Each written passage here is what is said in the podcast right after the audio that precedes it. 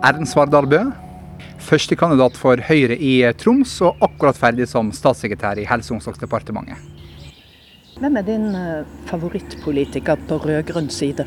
Det er mange politikere jeg liker på rød-grønn side, men eh, jeg har nok alltid sett opp til eh, Thorvald Stoltenberg før han gikk bort. Jeg syns han var en veldig tydelig stemme i ruspolitikken, og spesielt i den debatten vi har hatt nå i vår med, med rusreformen. Så han har jeg alltid sett, sett opp til som en rød-grønn politiker.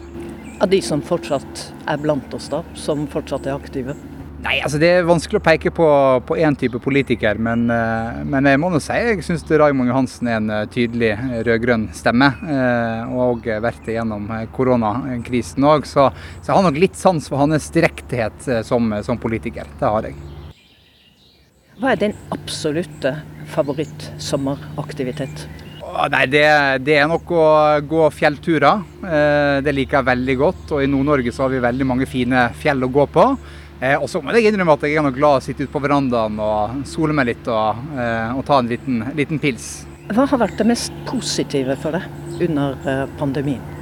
Nei, Jeg har jo jobba som politisk rådgiver. Det gjorde jeg fra januar til juli i fjor. Så jeg var jo inne på en måte med, med starten av pandemien. Men det som har vært mest positivt for meg, er nok jeg har begynt å trene og spise litt mer sunt og sånne ting. Så Siden februar i år så har jeg gått ned 20 kg. Så det så mens alle andre har gått opp under koronakrisen, så har jeg blitt eh, litt eh, lettere. Så det har vært eh, positivt for min del under pandemien. Han er 28 år ung, men har rukket mer enn mange i politikken. Det begynte i Frp. Bare 14 år gammel ble Erlend Svardal Bø fylkesformann i FPU Sogn og Fjordane. Etter et par år fant han ut at Høyre var partiet for ham. Han kom etter hvert inn i Unge Høyres sentralstyre og ble generalsekretær. Og i Tromsø har han vært gruppeleder for Høyre i bystyret siden 2015. Og på utlånte Helse- og omsorgsdepartementet i to omganger. Vi møtes i Parken på Sankthanshaugen i Oslo og finner oss en benk i skyggen. Sola steiker, og flesteparten av de andre som har oppsøkt parken, ligger flatt ute i gressbakkene med atskillig lettere bekledning enn oss to. Hva er det viktigste velgerne bør vite om Erlend Svardal Bø? Nei, altså som folkevalgt så har jeg alltid vært opptatt av å være ute og møte folk og næringsliv. Eh, og det er fordi jeg mener det er noe av den fremste oppgaven som politikerne har. Ikke bare sitte bak et skrivebord eller en PC og jobbe med politikk, men faktisk være ute og møte folk i virkeligheten. Og det har vært mitt mantra innen politikk å være ute og møte folk og, og næringsliv. Jeg ble jo gruppeleder for Høyre i Tromsø i 2015. og Jeg har jo telt opp antall bedriftsbesøk etter det. og Jeg tror jeg har vært på sånn 200 bedriftsbesøk de siste, siste fire, fire, årene.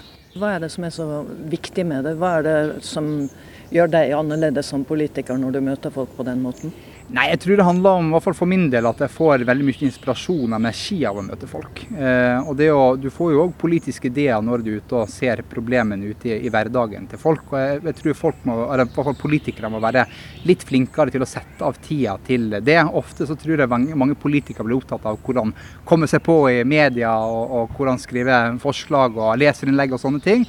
Men det å faktisk sette seg tida til å, å være ute på besøk og oppsøke folk, det tror jeg er veldig viktig. Og Som politiker så har du ikke bare ansvar for ett saksområde, du skal jo ha se helheten i politikken. Eh, og Da tror jeg det er viktig å være ute og møte folk. Og Så tror jeg òg at jeg er en handlekraftig kar, opptatt av å følge opp ting. Eh, ikke bare si at jeg skal gjøre det, men, men faktisk eh, følge opp med enten spørsmål eller politiske forslag eller sånne ting. Er det noe du vil at velgerne helst ikke skal vite om det?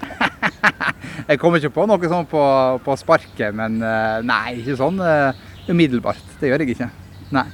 Ingen svake sider?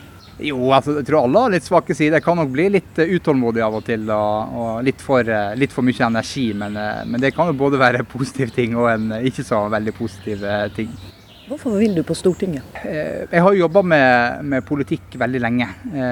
Og har lyst på Stortinget, for jeg tror det kan være med å utgjøre en, en forskjell. Og det er klart at Stortinget er høyest, eh, landets øverste institusjon for å bestemme ting og få gjennom eh, politikk og være med å gjøre en forskjell for folket folk i sin hverdag. Så Det er klart at det å kunne komme inn der og jobbe for de tingene som jeg har vært opptatt av, enten det handler om ruspolitikk eller næringspolitikk eller annen helse- og omsorgspolitikk, det, det, er i hvert fall for min, min, del en viktig motivasjon for å komme inn på Stortinget. For å kunne jobbe med de tingene som jeg òg er opptatt av, og som jeg òg tror folk òg er opptatt av i sin, sin hverdag. Men på hvilken måte skal du gjøre en forskjell? Du sa det selv, gjøre en mm. forskjell. Mm. Nei, det handler om som sagt, være ute og møte folk. Ta inn på en måte veldig mange av de perspektivene du får når du er ute på besøk og opp, oppsøker folk i sin, sin, hverdag. Jeg tror det er viktig å få litt de impulsene der. Eh, og så er jeg en veldig oppsøkende politiker som, eh, som er veldig tilgjengelig. Eh, opptatt av å komme i kontakt med, med folk. Og så kan en godt si at det er mange politikere som, som er det, men, men, det er jo noen saker jeg brenner for mer enn andre ting, som ruspolitikk. Veldig skuffa over ikke rusreformen gikk igjennom. Veldig opptatt av BPA. Eh, veldig opptatt av at vi skal sørge for at vi skaper mer og inkluderer flere i arbeidslivet.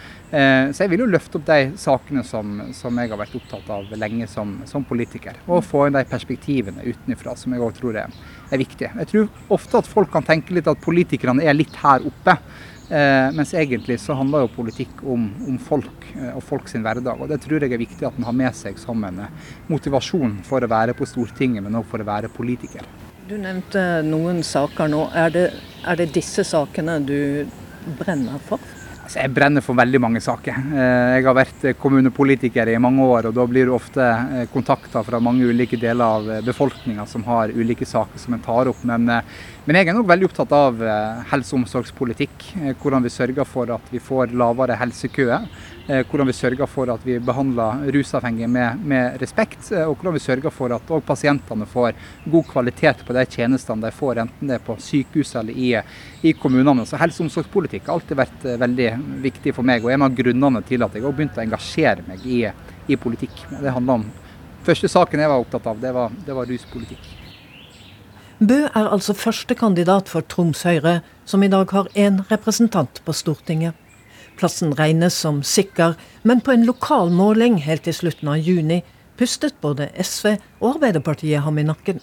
Bø trøster seg med bedre tall på andre målinger. Det er klart at det vil være variasjon på meningsmålinger, men jeg tror ikke vi skal gå rundt og deppe med hodet for vi får én dårlig meningsmåling.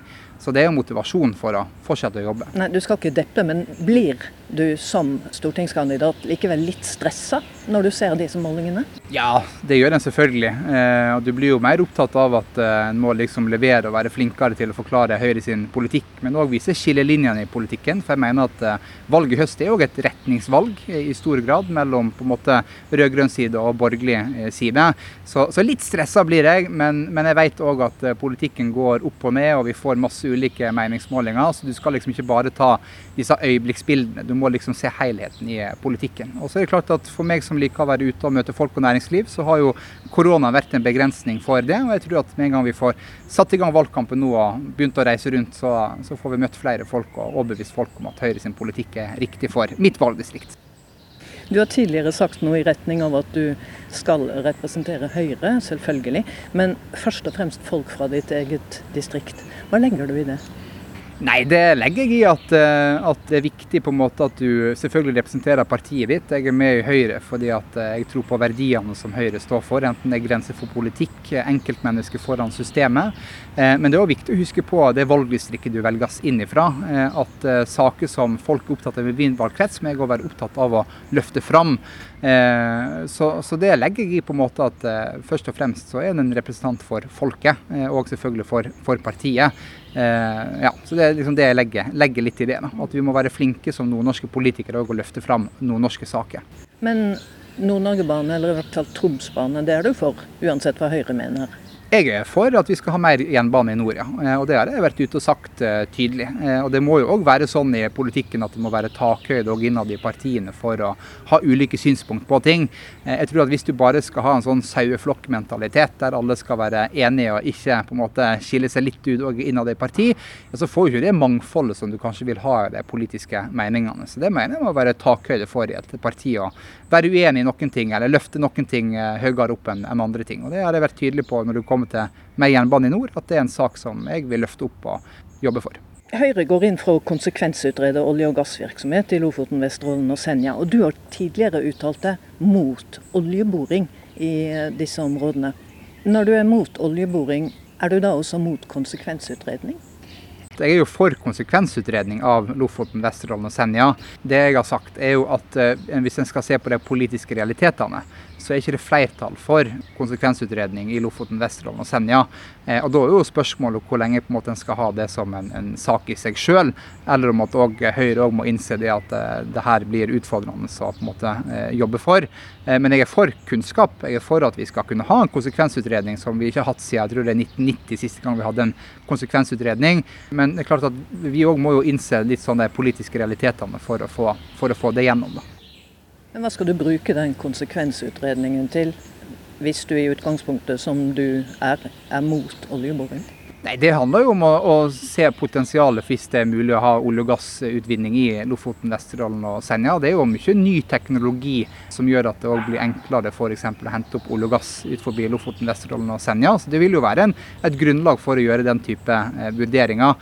Eh, men det er òg derfor jeg har balansert litt på eh, det med konsekvensutredning. Rett og slett fordi at jeg i hvert fall for min del begynner å kanskje se at eh, det, det, det, er, ikke, det er ikke et politisk flertall for å få det her gjennom på Stortinget og etter at Arbeiderpartiet Arbeiderpartiet snudde i, i, den saken.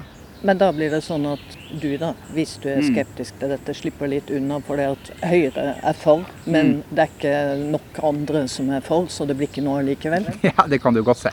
Men, eh, men jeg er for en konsekvensutredning. det er jeg, Og så må vi se hva den konsekvensutredninga gir. Men nå er vi nok på vei over til andre energikilder som vi kan bruke i Norge.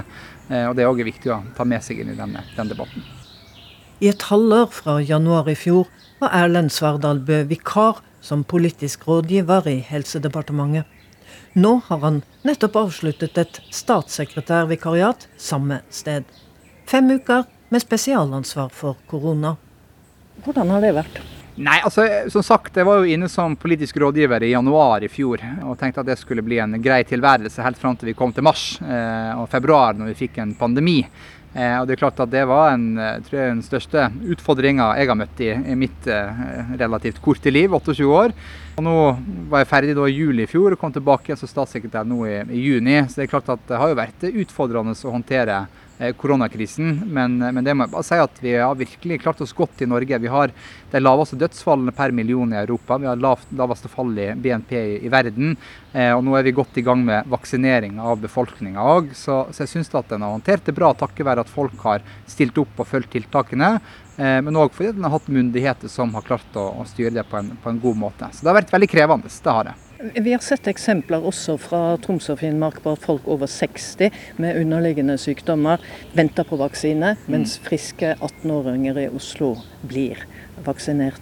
Har du noen forståelse for de protestene som er kommet? Ja, det har jeg. Jeg skjønner at folk reagerer på den skjevfordelinga.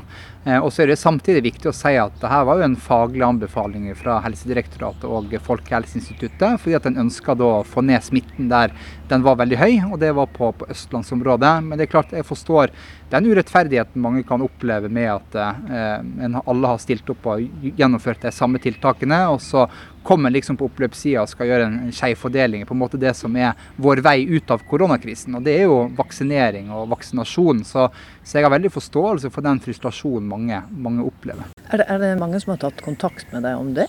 Det er ganske mange ja, som har uttrykt sin uh, frustrasjon rundt, uh, rundt det her. Ja. Det er det. Hjemmefra? Hjemmefra og andre plasser i landet òg som, som, har reagert litt på, på, det. Så jeg forstår den frustrasjonen som er. Det er allerede gått ti år siden han flyttet nordover for å studere i ett år. Nå har han slått rot. På Sankthanshaugen i Oslo er det blitt enda litt varmere. Fuglesangen er høyere, og det lukter nyslått gress. Du sa før vi begynte intervjuet at det var litt varmt. Altså du syns det er litt varmt i, ja, i, Oslo, ja. i ja. Sommer-Oslo. Hvordan eh, ser du på det da, med tanke på at du kanskje skal være her ganske mye? Nei, altså Jeg må innrømme det. Oslo er en fin by, men jeg trives nok meg best i hjemme i Tromsø i Nord-Norge. Det, det, gjør jeg. Men, eh, men eh, jeg har pendla til Oslo før. Jeg var generalsekretær i Unge Høyre fra 2015 til 2017. og Da var det òg mye pendling, og da bodde jeg òg i Oslo. Så, så, det skal jeg nok takle fint. Så lenge jeg kommer hjem til Troms i helgene og får eh, gått meg en fjelltur og tatt en pils på sofaen, så skal nok det gå, gå helt fint. altså. Det skal det. Å pendle litt mellom Oslo og Tromsø. Men jeg er veldig opptatt av å være hjemme. Fordi at det er i mitt valgdistrikt jeg skal representere mine velgere. Eh, og da tror jeg òg velgerne er opptatt av at du som stortingsrepresentant, hvis det blir det til høsten, òg skal være tilgjengelig. Ikke bare på telefon og PC og sånne ting, men at en faktisk er hjemme og gjennomfører besøk til folk og næringsliv og, og, sånne ting. Så jeg er veldig opptatt av å reise hjem til Tromsø når jeg har muligheten til å, til å gjøre det.